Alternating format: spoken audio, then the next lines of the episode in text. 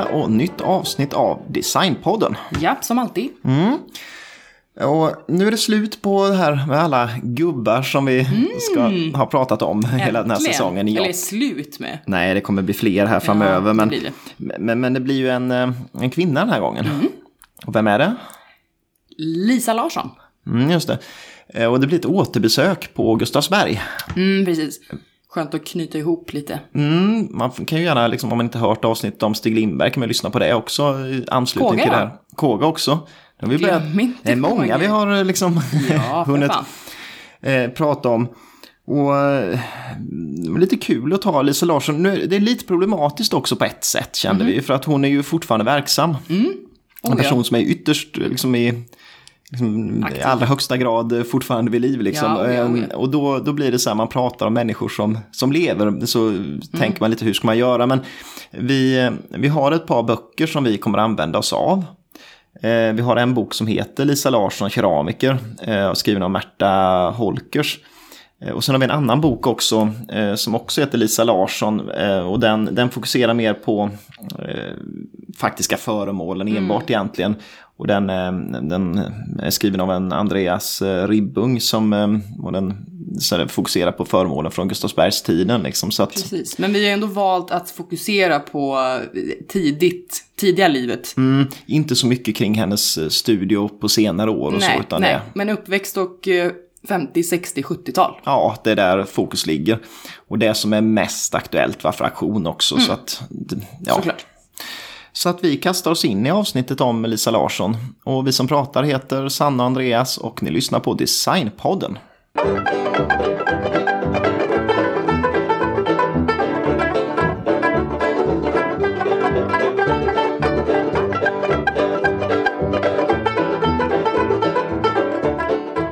Lisa Larsson då. Mm. Föddes den 9 september 1931 i Härlunda, Kronobergs län. Som du sa, jag fick inte säga Kronoberg. Ja, Kronoberg säger man ju nere i... Ja, i Småland. Kronoberg. Hennes pappa drev ett sågverk, men han var också nämndeman i Växjö tingsrätt. Mm. Han var väldigt konstintresserad och varje gång han hade varit i Växjö så kom han hem med ett nytt konstföremål. Varit in och handlat i Mm, något då köpte galleri. han alltid på sig någonting. Där befanns det ju då väldigt, väldigt mycket olika konstföremål i hennes närhet under uppväxten som säkert påverkade henne mycket. Just, han var intresserad av konst men han höll inte på med det själv då. Så, utan, nej. bara njöt av det. Familjen flyttade till ett samhälle, Killeberg, Jaha. som ligger i Skåne, precis vid gränsen. Småland, Skåne där. Sen, mm.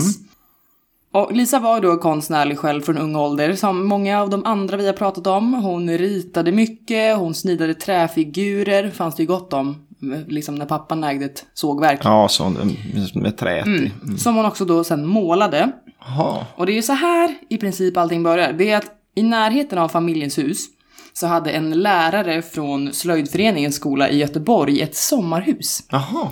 Så han får syn på Lisa och hennes träfigurer faktiskt och uppmuntrar henne att söka till skolan som kallas Slöjdis. Mm. Och den är i Göteborg. Ja, precis. Idag heter den då Högskolan för design och konsthantverk. Så det gör hon. 1949, 18 år gammal, så börjar hon på Slöjdis. Ja. Och hon hade då inte liksom bestämt vilken linje hon ville gå. Hon bara kom in ändå. Ja. Så att rektorn Åke Hult placerade henne som test på keramiklinjen. Ja, det, men det blir ju så himla roligt sånt här som... För det är så många gånger när man eh, studerar folk så här så, så är det en slump Ja. mycket var de hamnar. Väldigt ofta. Liksom hur eh, liksom KG kom in Mm. på ett bananskal på Gustavsberg och så vidare. Och, alltså, eh, så små tillfälligheter som gör att vissa saker händer. Verkligen. Huvudläraren där var en Kurt Ekholm som var känd från Arabia i Helsingfors. Jaha. Han var finlandssvensk. Och Lisa ville faktiskt under den här tiden bli modetecknare, som hennes syster Titti. Men hon ändrade sig faktiskt snabbt när hon började arbeta med, med leran. Och hon fortsatte därför på keramiklinjen. Hela liksom... Ja, hela utbildningen, ja. 21 år gammal gifter hon sig med Gunnar Larsson som också är konstnär. Han studerade på Valands konstskola som också låg i Göteborg. Sen då, efter fem år på utbildningen så var hon färdig. Färdig utbildad där. Ja, dags att ta sig ut i arbetslivet. Jo. Och både hon och Gunnar ville då helst vara fria, oberoende konstnärer. Det är väl lite så här romantiserat på Han något vill sätt. inte egentligen vara knuten då till något stort företag som bestämmer vad man ska göra. Så, Nej. nej. Hon ville då ha en egen verkstad och Gunnar ville ha en egen ateljé. Mm. Paret hade precis flyttat till en ateljévåning på Gråberget i Göteborg. Mm. Och då får Lisa ett brev från Stig Lindberg. Mhm. Tydligen då så hade hennes lärare Kurt kort tid innan examen skickat in några av hennes arbeten till en tävling mellan konstskolorna i Norden. Jaha. Och i juryn satt då konstnärliga ledaren Stig Lindberg. Och då såg han eh, något hon hade gjort där. Precis, och han blev direkt intresserad och erbjöd henne ett provår på porslinsfabriken Ja. i Gustavsberg. Mm. Det är ju ändå, måste ju vara lockande även om man inte då vill det egentligen så är det ju lite, måste bli lite eh, smickrad att man får ett sånt erbjudande. Precis, va. Så att hon, hon tvekade faktiskt. Men, det här är ju roligt. Men Stig lovade att ordna en, en lämplig bostad till paret. Okej. Så hon kom med på det helt enkelt. Och bostaden visade sig inte vara mer än ett rum med kokvrå som inte ens hade en dusch. Okej, det, var, det var inte så glamoröst men det var, Nej. ja, Det var inte riktigt eh, som man vill ha det. nej. Men då hade de ju redan gått med på det då så att ja. Ja, gud ja. Du ska ju gå in lite på vad hon gjorde under de åren. ja lite mer föremålen och så ja. Precis, men efter provåret i alla fall så blir hon fast anställd och hon får en egen verkstad i konstavdelningen, studio. Just det. Detta blev som en ex- experimentverkstad där hon eh, med hjälp av drejare gjorde allt möjligt. Alltså det var verkligen fritt ändå, fast hon var bunden till Gustavsberg. Så det gick att experimentera ganska eh, fritt vad man ville Mm. och testa och sådär. Ända sedan 1917 har Gustavsbergs konstnärer fått jobba med både design för serietillverkningar men också fritt skapande. Och ofta kunde Lisas idéer liksom omsättas till serieproduktioner. Det är ju en bra egenskap liksom att man tar fram saker som också kan göras kommersiellt för att Precis, det är ju det som- Gustavsberg är ute efter naturligtvis. Liksom, att, Ja, uppenbarligen. Exempelvis eh, Lilla Katt som man gjorde till Lilla Zoo. Och eh, Stina med katt gjordes tydligen också bara utav hon Hon tog fram... fritt ja, hon- skapade. Okej, så hon skulpterade dem och sen Mm. så blev det, ja. Precis, i efterhand blev det serietillverkade. Och vi har ju pratat en del om Gustavsberg på 50-talet så naturligt tidigare via både KG och, och Stig Lindberg och snitten. Men man kan ju bara göra en liten kort eh, återkoppling. Ja, precis. Och eh, Willem KG var ju förstås då kvar i studion. Han är ju inte konstnärlig ledare under den här perioden utan det är ju Stig Lindberg som varit där sedan 1949.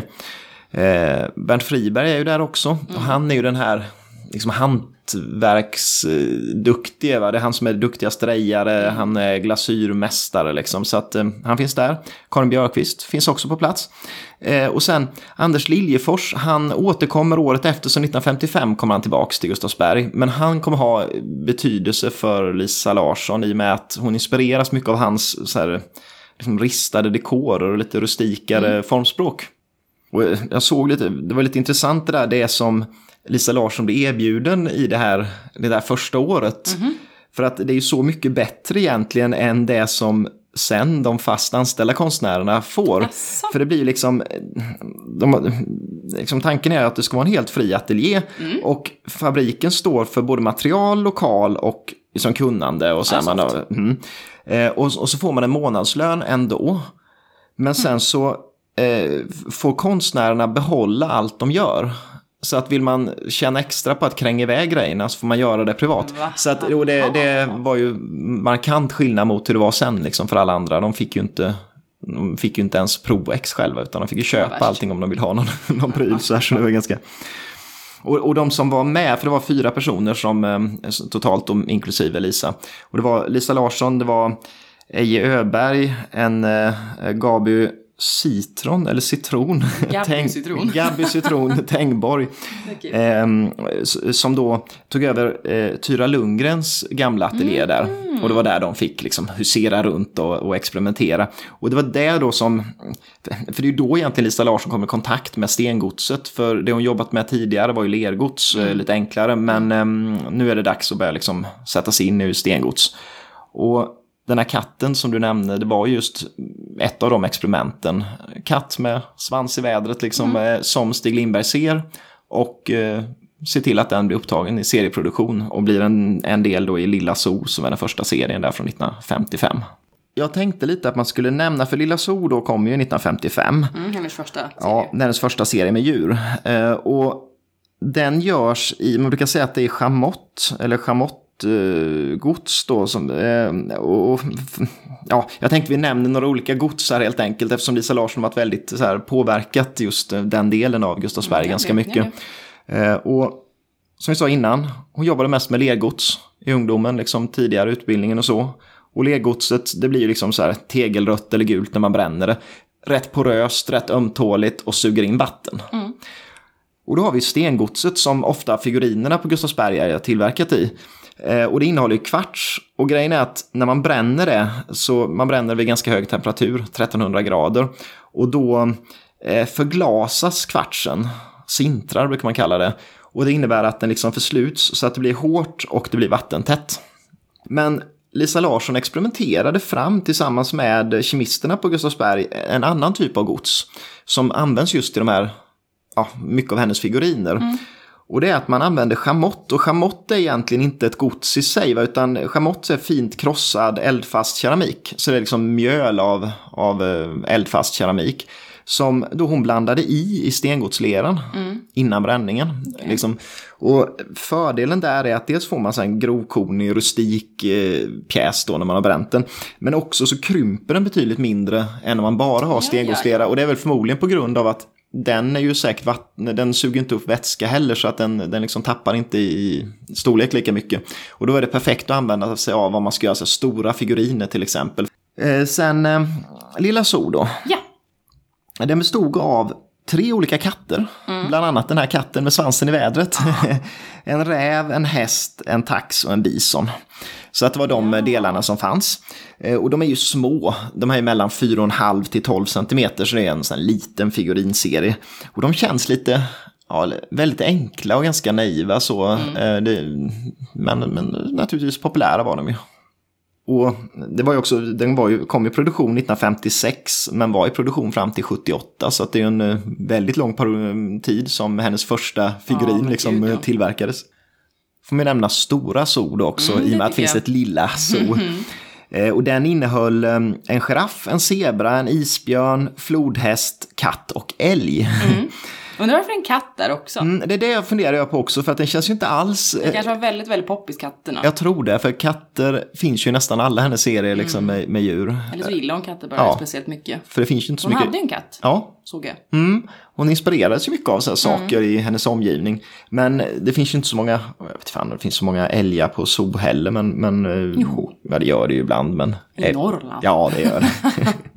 men de här, eh, både stora och lilla zoo var ju tillverkade i där schamotterade stengodsleran eh, och får ju den här lite mörkare bruna ytan.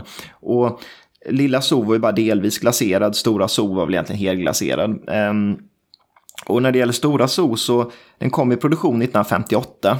Eh, Men sen så skulle kommer den att eh, kompletteras med andra djur vid ett par tillfällen senare. Och det återkommer vi till. Sen då 1958, en tidig serie till som är väldigt, väldigt populär. Var populär då och är jättepopulär fortfarande. Det är ju ABC-flickorna. Och den här serien består ju av flickor eller kvinnor snarare. Ganska så här eh, kraftiga. stor- Ja, ja, precis. Va? och grejen var att de från början var de tänkt som bokstöd de här faktiskt. För det är ju så, klart, så här, ABC det kommer ifrån att de, många av dem läser ju böcker. Ja, det skulle ja. vara ett sånt eh, tema. Men problemet var att de vägde för lite, så de gick inte ha som bokstöd. Nej. Men det var det som var tanken från början. Men sen blir de ju jättepopulära som figuriner bara om man säger. Eh, Och själva serien består av Emma, Charlotta och Amalia som är sittande figurer. Eh, Och sen så är det Dora som står och Beata som ligger ner. Och också sån där schamotterad stengodsmassa, delvis glaserad. Och den kommer i produktion 1958 och är i produktion till 73. Så att eh, det är också en lång period. Verkligen. Blev väldigt, väldigt populär och um, det var tydligen ett tiotal kvinnor som målade dekoren till den på heltid. Så att det var viktigt för Gustavsberg just det där att få den där som blir en folkhemsklassiker. Det var hennes första sån här folkkära serie om man säger. Ehm, och den finns ju då, som vi sa, i det här liksom handmålade varianten. Sen kom det sent 60-tal en, en liksom, utgåva i kromotryck. Och kromotryck det är eh, egentligen ark, alltså det litografiskt tryckta ark som man överförde på eh, figurinen. Och så fick man bränna ytterligare en gång då. Mm. Fördelen är att det blir ju ganska, alltså klänningarna ser ju mer ut som riktiga klänningar då om man säger. Mm. Eh, nackdelen är att man måste bränna en gång till, det var tydligen ganska kostsamt. Eh, så det gjordes inte så jättemånga av dem. Och idag är de mer eftertraktade och mycket dyrare om man säger. Nästan, nästan alltid om det finns färre. Om ja, då blir det ju så liksom. Ja. Och egentligen är det lite paradoxalt på något sätt i ett sånt här fall. För att ja, det som är handmålat borde vara bättre borde, och dyrare. Men det är det inte då, utan då är det det som är tryckt som är, är mm. dyrare. Man kan ju nämna att hon, hon fick ju inspiration till de här figurinerna mm. från eh, fruktbarhetsgudinnor liksom i, som hon såg i, mm. genom historien. Liksom. Och det är väl mm, ganska tydligt liksom, i, i, formspråket. Där. Många blir tydligen väldigt arga också. För det skulle mm. vara så tillrättalagt allting så här. Och då så att, ja, att, att, att hon får visa upp de här nidbilderna av Nej. kvinnokroppen och sådär. Så att det... Det är fan ashärligt. Ja, ja, gud. Men många gillar dem, vissa blev upprörda. Ja, som vanligt. Ja, som vanligt. 1959, mm. då kommer en komplettering till Stora Zoo. Och det är en bulldog, en åsna och en ko ja. som kommer i produktion. Eh, och eh, de är helt... Ja, kon är rätt rolig. De är helglaserade i någon sån här gulbrun brun glasyr alla tre där. Och de kommer att produceras 1960 till 68, så det är inte en jättelång period egentligen. Och det var ju några av de populärare liksom, figurinserierna på 50-talet. Kan vi nämna att hon, Lisa Larsson gjorde ju också vaser och skålar och sånt under hela sin, sin eh, karriär på Gustavsberg. Va? Men, men på 50-talet gjorde hon, i vitt stengods gjorde hon en serie Paloma, Varieté och eh, Tarragona. Och det är ju liksom... choklad. Jo, oh, det är det också. Nej, och det är ju mycket just man ser vaser, skålar, mm. askfat, cigarettställ, sådana grejer. Inte med enstaka det här fritt skapande grejerna också. Ja, ja. Inte så värt att ta upp här. Nej, nej. Det gjordes ju uppenbarligen hur mycket som helst. Ja, mängder med, med mm. saker. Just de här serierna med såna här vaser och sånt ser man ju ganska ofta idag. För de är inte så dyra men, men de dyker upp och det står ju, ja. Eh, sen gjorde hon också en eh, Granada 1959 som är den är lite mer rustik i sånt fall. Den är också så här i, i, i det här schamotterade godset och stora delar oglaserad och sen så, så här ristad dekor. Som, eh, På vas eller vad var det? Eh, det var både vaser och, och mm -hmm. skålar och, och um, askfat och lite olika grejer. Då. Det finns en golvvas som kostar lite grann i, i Granada, annars är det ju en ja, lite billigare serie.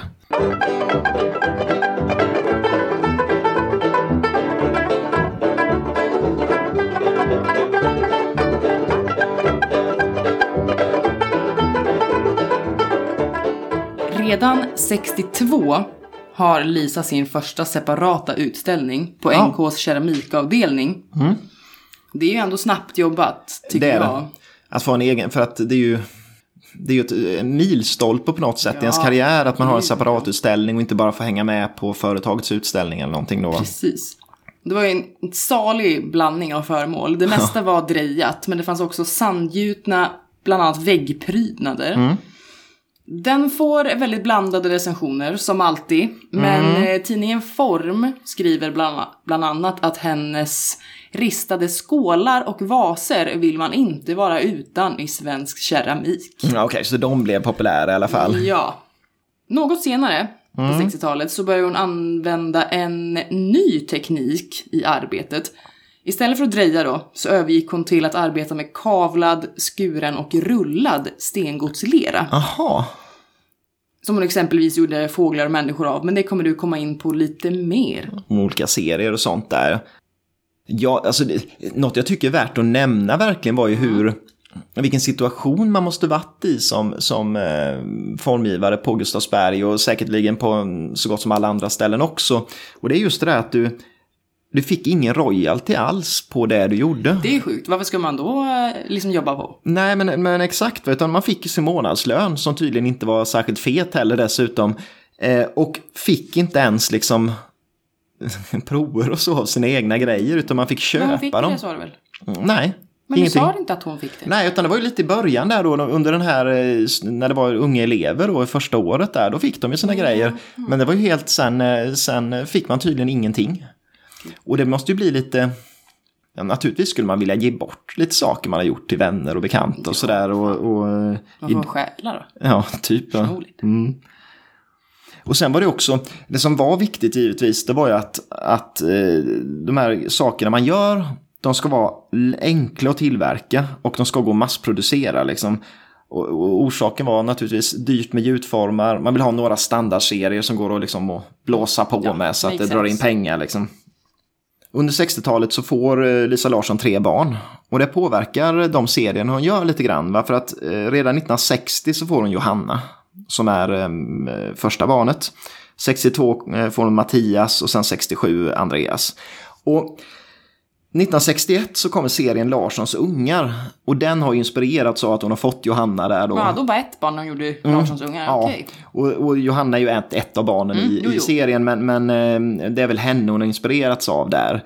Och de första, 1961, då, då är det bara flickor också i den Mm, där serien. Det är Susanna, Johanna, Malin och Lotta. Och där, ja, då, då tar det ju faktiskt till efter att hon har fått hon Mattias innan eh, hon kompletterar med Pelle och Kalle i den här Mm. serien eh, Larssons ungar. Och de här blev ju också populära. Liksom, folk tyckte de var charmiga, de där små barnen. Liksom. Och eh, de kom och var i produktion från, sex, ja, från 61 respektive 64. Då. Sen en av de här figurinerna, eh, Susanna, av någon anledning tar man bort den nästan direkt. Känns som nummer 65 försvinner den ur, ur sortimentet. Och den ser lite annorlunda ut än de andra. Jag tror att tyngdpunkten är lite fucked up. Liksom. Den är eh, lite uppe vid bröstet. Ja, så jag tror att den mm, var nog inte så lätt att tillverka och få hålla och sådär. Så att Nej, den försvinner och därför blir den populär också idag bara för att det inte finns så många av den. Vad dyrare. Ehm, och sen de sista figurerna, de slutar inte produceras eh, förrän eh, 1980. Oj. Och det är Johanna, Malin, Kalle och Pelle som finns kvar ända fram till dess då. Så var ju liksom väggplattor populärt Mm, på med i den här 60-talet. Liksom. Mm. Och det kan man fundera på varför egentligen, för idag det finns ju mycket väggplattor från den tiden. Men nej, det är inte så, alltså ja, man kan ha på väggen. Men Tydligen så hade man det inbyggt vid spisar och sånt där och populärt att mura in och sånt där också. Eh, Så att det blev liksom sådär med att sätta sin personliga prägel på, Mm. på eh, hemmet liksom på ett sånt sätt istället för en tavla. Och eh, Lisa Larsson gjorde också då, likt många andra på Gustavsberg, väggplattor. En serie som kom var ju unik från 1961. den hette Unik. Den hette Unik. Jag trodde du Och det är lite, den var det. det, ja, men det där är ju lite så förvirrande egentligen för att man skriver på auktion så här eh, väggplatta Lisa Larsson unik. Ja, och då tänker man att den är unik men den är ju långt ifrån Man unik. för den, ja det gör man ju men, men det är ändå det är ett konstigt namn tycker jag. Ja, det är Fattar inte alls. speciellt. Men, men den eh, består av tio olika väggplattor som var 22 gånger 23 centimeter. Eh, I vitt stengods den här gången då, och sen glaserat. Eh, och eh, fanns i produktion 62 till 67. Och en av de här tio ska vara så odekorerad står det, men jag har inte sett någon bild på den, så tydligen är det bara då en, en platta. Och, ja, men de är som kakelplattor, så jag funderar lite på, undrar om det var tänkt att man skulle göra många som skulle sitta ihop och som skulle göra avstånd mellan med den här oglaserade då kanske. För att, ja. annars finns det ju ingen anledning att göra en helt, Nej, jag tycker inte det låter så användbart ändå. men man vill göra mellanrum kanske mellan, mellan dem. Sen kom det mängder med olika andra. Så här, 1963 kommer det sju stycken eh, eh, väggplattor då. Fisk, eh, Gamla stan, solros, Mm, fågel eh, och så vidare. Och de har man ju sett eh, Ja, ja. Mm, ganska många gånger. Mer rustik än de här eh, unik. Och sen kommer det ännu fler. Liksom, eh, något man, var nä- det var några biskopar hon gjorde. Det var här jädra random grej 1962. Och det är eh, fem stycken ganska av, alltså 34 gånger 9 centimeter. Det är typ som präster eller biskopar eller någonting som ser, står och ser sura ut. Fast de ser lite löjliga ut också då. Gör de ju på något sätt så de blir lite komiska. Det har jag nog inte sett. Nej, jag har aldrig sett dem live alls, utan bara sett på bild. Drabant är väl en sån serie med, med eh, väggreliefer också som, som många har sett. Den kom 1967. Eh, och ehm, det var ju liksom, ska man säga, det, det är fig- figurer med lite så äldre kläder, ett par Mm, soldater. Ja, par soldater tror jag, någon med någon rustning och så. Så att den dyker också upp eh, regelbundet på auktion idag. Men med Lisa Larsson, det är ju djuren man kanske, förutom då de här kvinnorna, så är det djuren ofta man tänker på. Och serien Afrika kom 1964 Ja. i brunt sten- stengods. Då. Den ja. Ja, den är rolig. Eh, och, och den är... Liksom, den bestod av ett sittande lejon. Och det här sittande lejonet har ju blivit lite synonymt med Lisa Larsson nästan på något sätt. Det är ju lite... Det, Den har ju det, ko- rolig form. en rolig form, för det är bara ett jättestort huvud och så en jätteliten kropp. Men huvudet är väl tänkt som manen också då, Ja, ja, så att det blir den här det eh, formen. enormt. Och sen så har du ingen relief i ansiktet utan Nej. bara liksom platt. och den, den fanns ju i liten, eh, stor och gigant. Ja, just det. Och gigant är ju verkligen gigant. Ehm, och sen i den här serien fanns en tiger, en elefant, en mulåsna.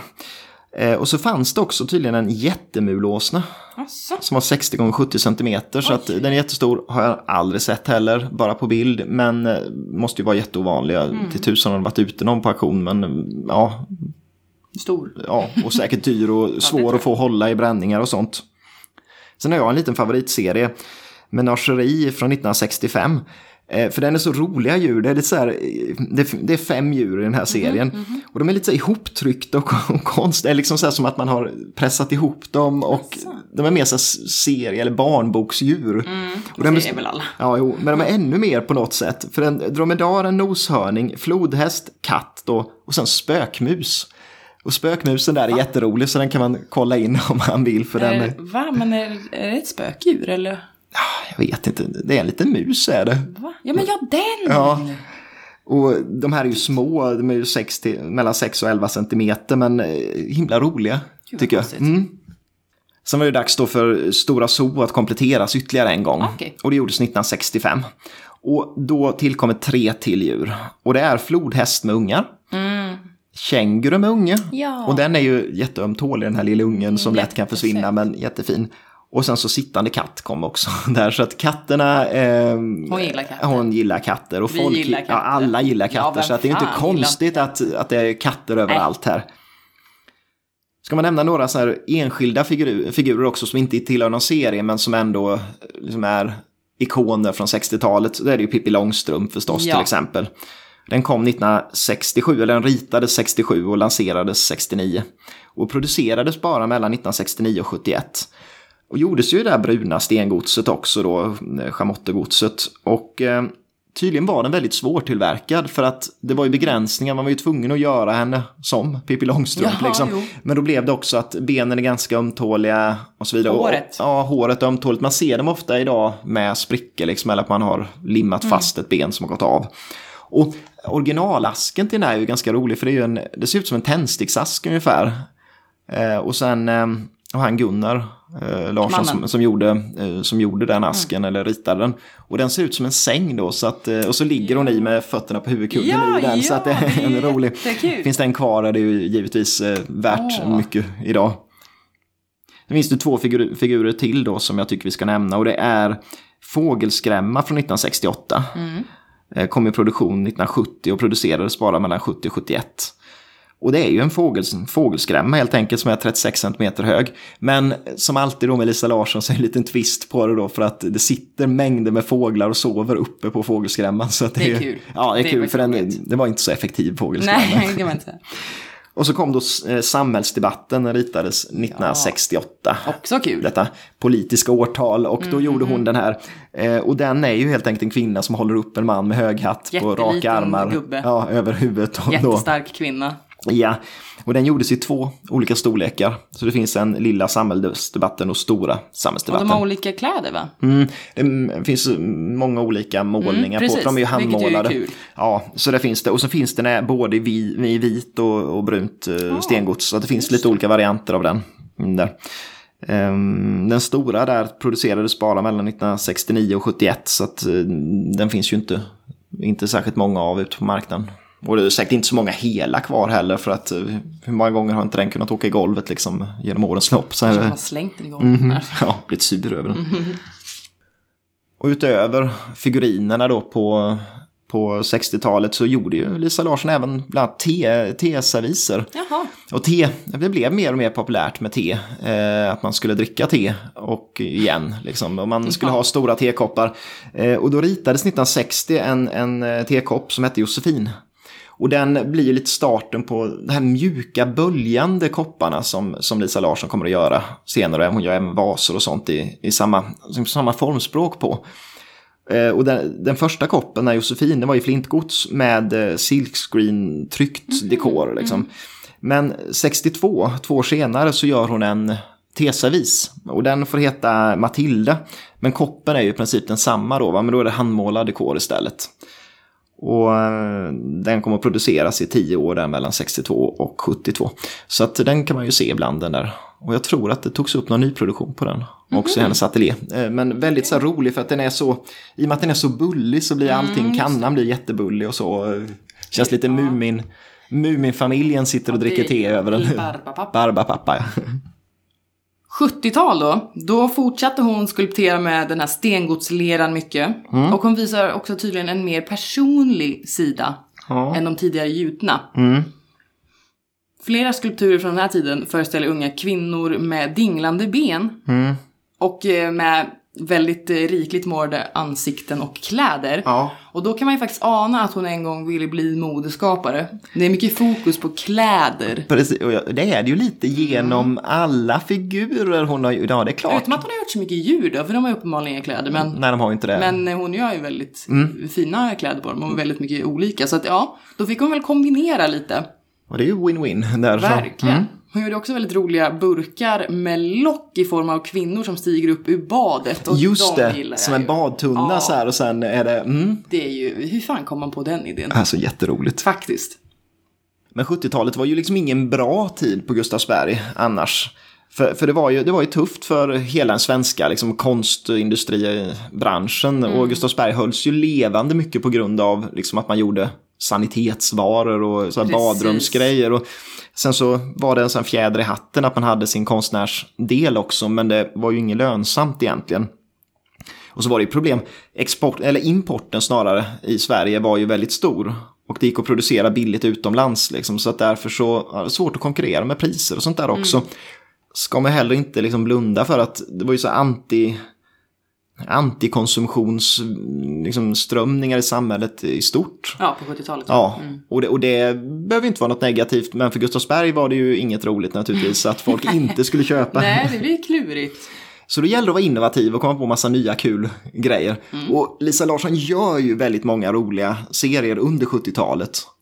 Tell eh, me. Ja, Traffic från 1970 då. Mm. Den är ju jätteeftertraktad idag.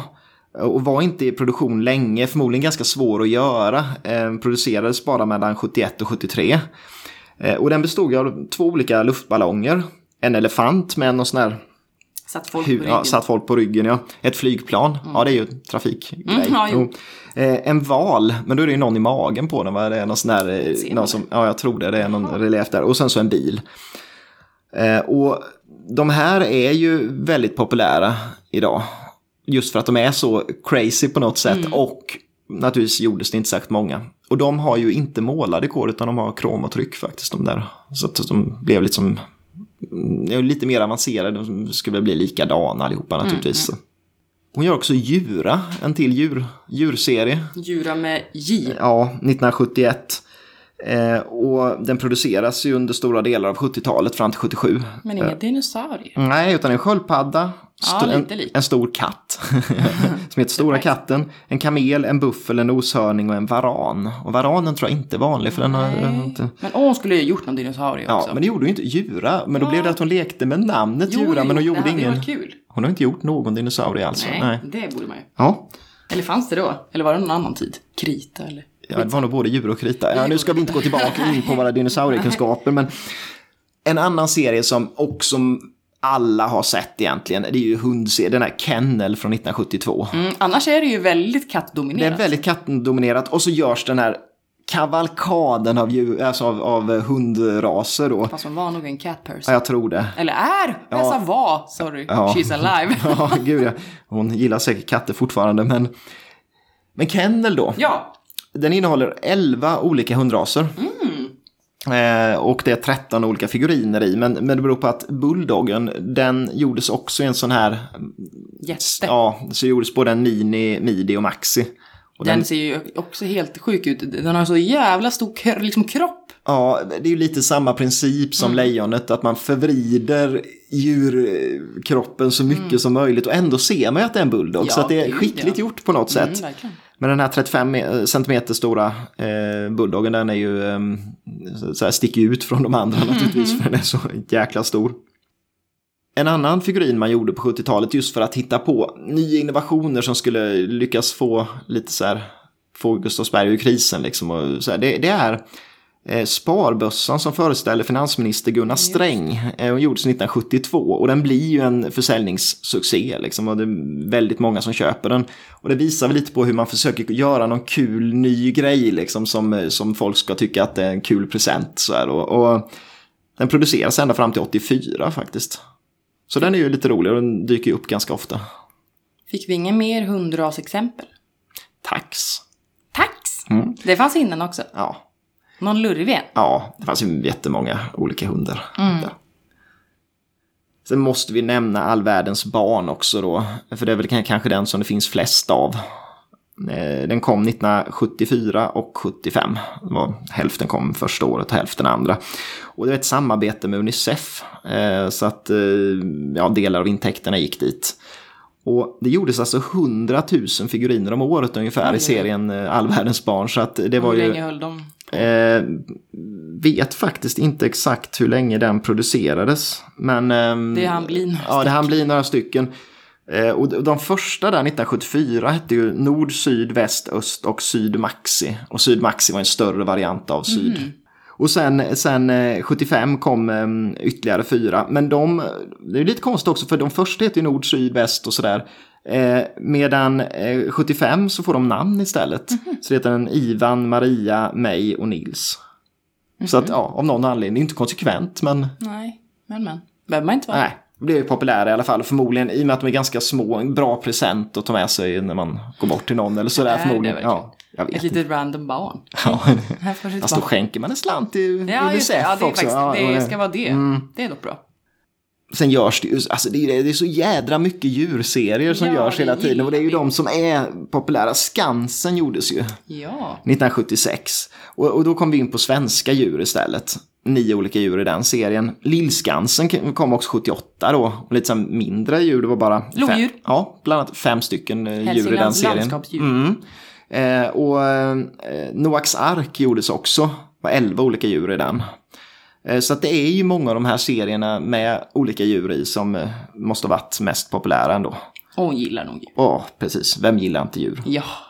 Och sen ska man väl nämna också avslutningsvis bland de här figurinserierna, det är utrotningshotade djur. Ja, just Eh, det. och den, dess, det var ett samarbete med Världsnaturfonden och det släpptes ju ett djur om året. Så att det gavs ut 1975 till 1981. Eh, så varje år kom det ett utrotningshotat djur då. Exempelvis vad? Ja men det gjordes kungsörn och säl, jag vet inte, säl. Någon specifik kanske? Ja, det är säkert någon där som, eh, Där. ja, Utter? utter, pilgrimsfalk. Men de sky- ja, de är skyddade i alla fall. Kanske är. Ja, ja, kul! Ja,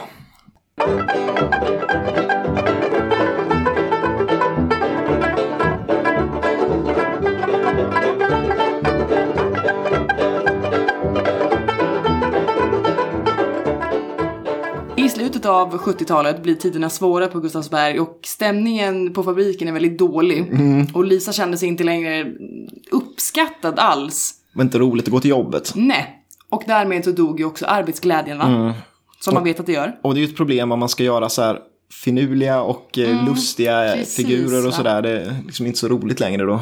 Så hon bestämmer sig faktiskt för att säga upp sig. Trots att hennes eh, design sålde ju bra. Och eh, hon gör det 1980.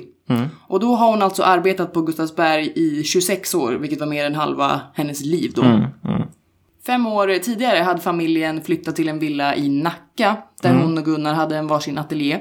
Och eh, det tog då inte så lång tid efter hon hade sagt upp sig innan hon fick uppdrag av fabriker i bland annat Tyskland och Danmark. Ja, just det. Hon har gjort utomlands också. Mm. Sen fick hon samarbeta med Åhléns bland annat och eh, butikskedjan Duka. Och Höganäs keramik, alltså det finns mycket. Ja, som hon har gjort. eh, Precis. Oh ja, men det gick, det, det gick snabbt ändå bra. Mm. Även på egen hand. Ja. Ja, här, för, för det är mycket inte tack vare Gustavsberg känns det som. Nej. eh, Utan det är ju på grund av henne som de här figurinerna och det blev så populära. För hon skiljer sig så mot de här stiliga, graciösa verkligen. grejerna som Friberg gjorde och så vidare. Och så, det är mer lekfullt och lite mer Exakt, folkligt va? på något sätt va? Och då kommer vi till den här aspekten.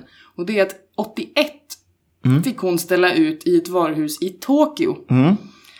Just det. Vilket var början på hennes enorma popularitet i Japan. Ja, Där två företag kom att importera hennes figurer och sälja. Mm. Och eh, det, var, nej men det var för att det var så, det är så roliga, lättsamma, liksom glada figurer. och de känns japanska vissa av dem på något sätt. Det är lite mangaaktiga över dem trots att det är så här eh, typiskt svenskt så är det mm.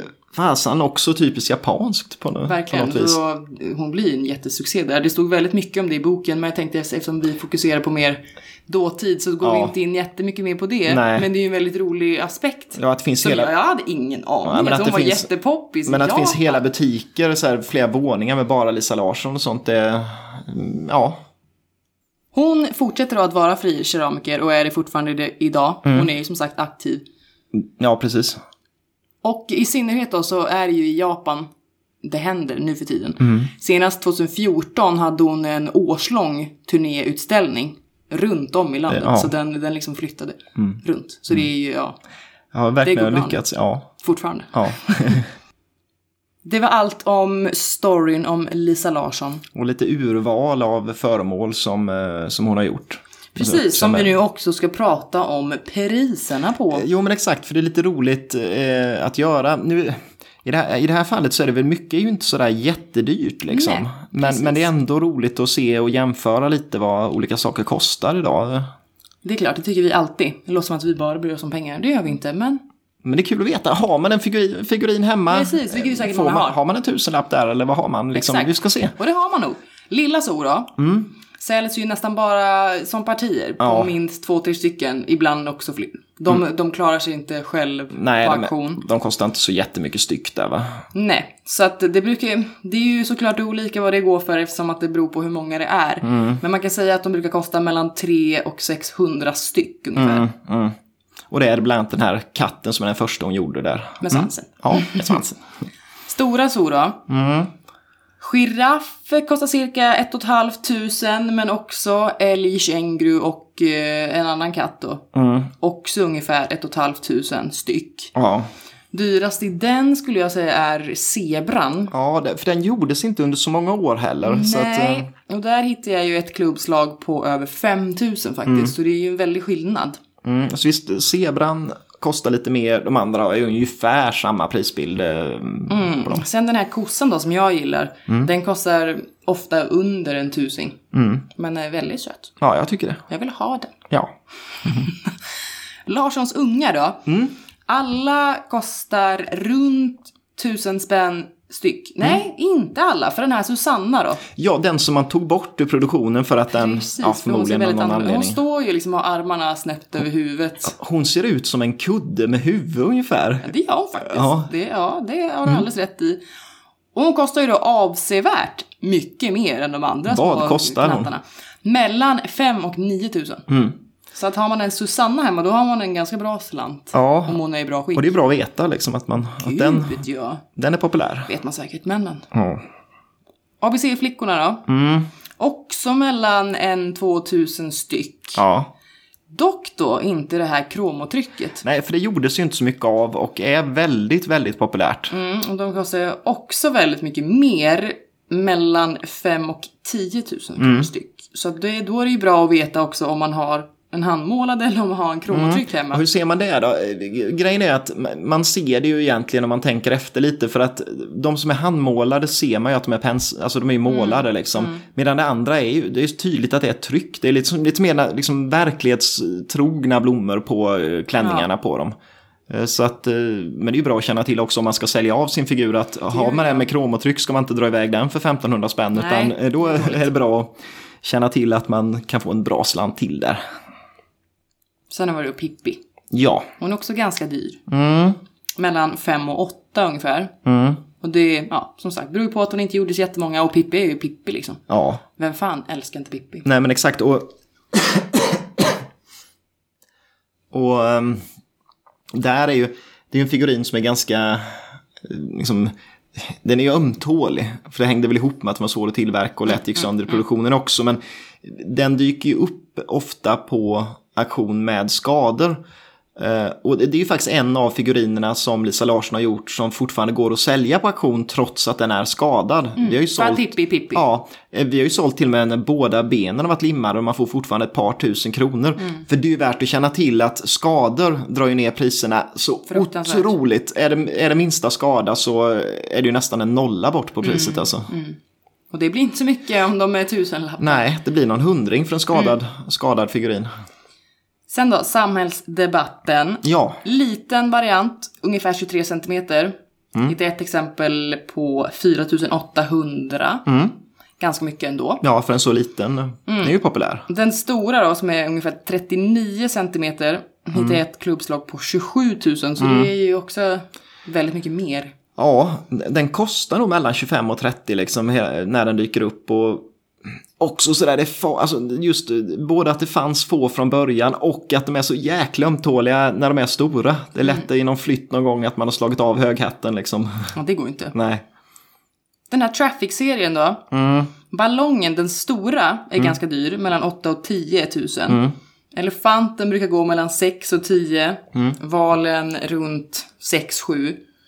Och eh, flygplanet hittar ett eh, klubbslag på 13. Så att alla de är ju väldigt dyra. Mm. Ja, Traffic är ju en populär serie. Jag var ju faktiskt med i Bytt i bytt också för någon vecka sedan. Mm, det var det någon som hade ett exempel på Precis. hela serien. Där. Ja, så de, de är dyra, absolut. Mm. Sen, dyrast ever, som jag alltid vill ha med. Ja, och det är något mer unikt eller? Ja, det är då förlagan till Beata. Just det, en av ABC-flickorna. Den liggande va? Exakt, den liggande. Hon liksom relaxar och har benen upp liksom. Mm. Den såldes i år faktiskt för 56 000. Ja. Vilket är det dyraste jag hittat. Mm. Men faktiskt en till med samma klubbslag. Också i år. Mor med blommor. Jaha. Väldigt så här kvinna med jättestor kropp, jättelitet huvud. Väldigt rundad. Så hade hon Och så har blommor hon liksom en, en famn med blommor. Ja. Och någon unik eh, pjäs antar jag, för jag har aldrig hört talas om den. Jag hittade ingen mer Nej. info om den, så det, det antar jag. Men också 56 000. Så det finns två försäljningar i år på 56 000 Japp. på figuren. Ja. Men det är kul att ha förlagan till en av de mest kända figurerna, så det förstår man ju att det... Ja, ja. Ja. Och med det så säger vi att ja, veckans avsnitt av eh, Designpodden är slut. Det är det. Eh, Vi eh, kommer att ånga vidare ett tag till här. Eh, vi, Nästa vecka blir det ju faktiskt lite special. ja, Men mer än det skulle jag inte säga. nej, precis. Men det kommer bli en lite annan, ett annat upplägg på det hela. Det blir kul. Eh, Vill man oss något under tiden va? så kan man ju ta och kontakta oss. Ställa frågor, synpunkter, idéer, vad man helst vill. Eh, Och då tycker jag att man eh, skickar ett mejl. Till designpodden at gmail.com. Och sen vill vi hemskt gärna att man följer oss på Instagram. Och i podcaster. Ja, och Facebook också. Eh, Bara följa på. Eh, Så blir man förvarnad när nästa avsnitt kommer. Varnad. Ja, exakt. Eh, Så att, eh, ja, ni får ha det så bra så länge så hörs vi igen nästa vecka, hoppas vi på.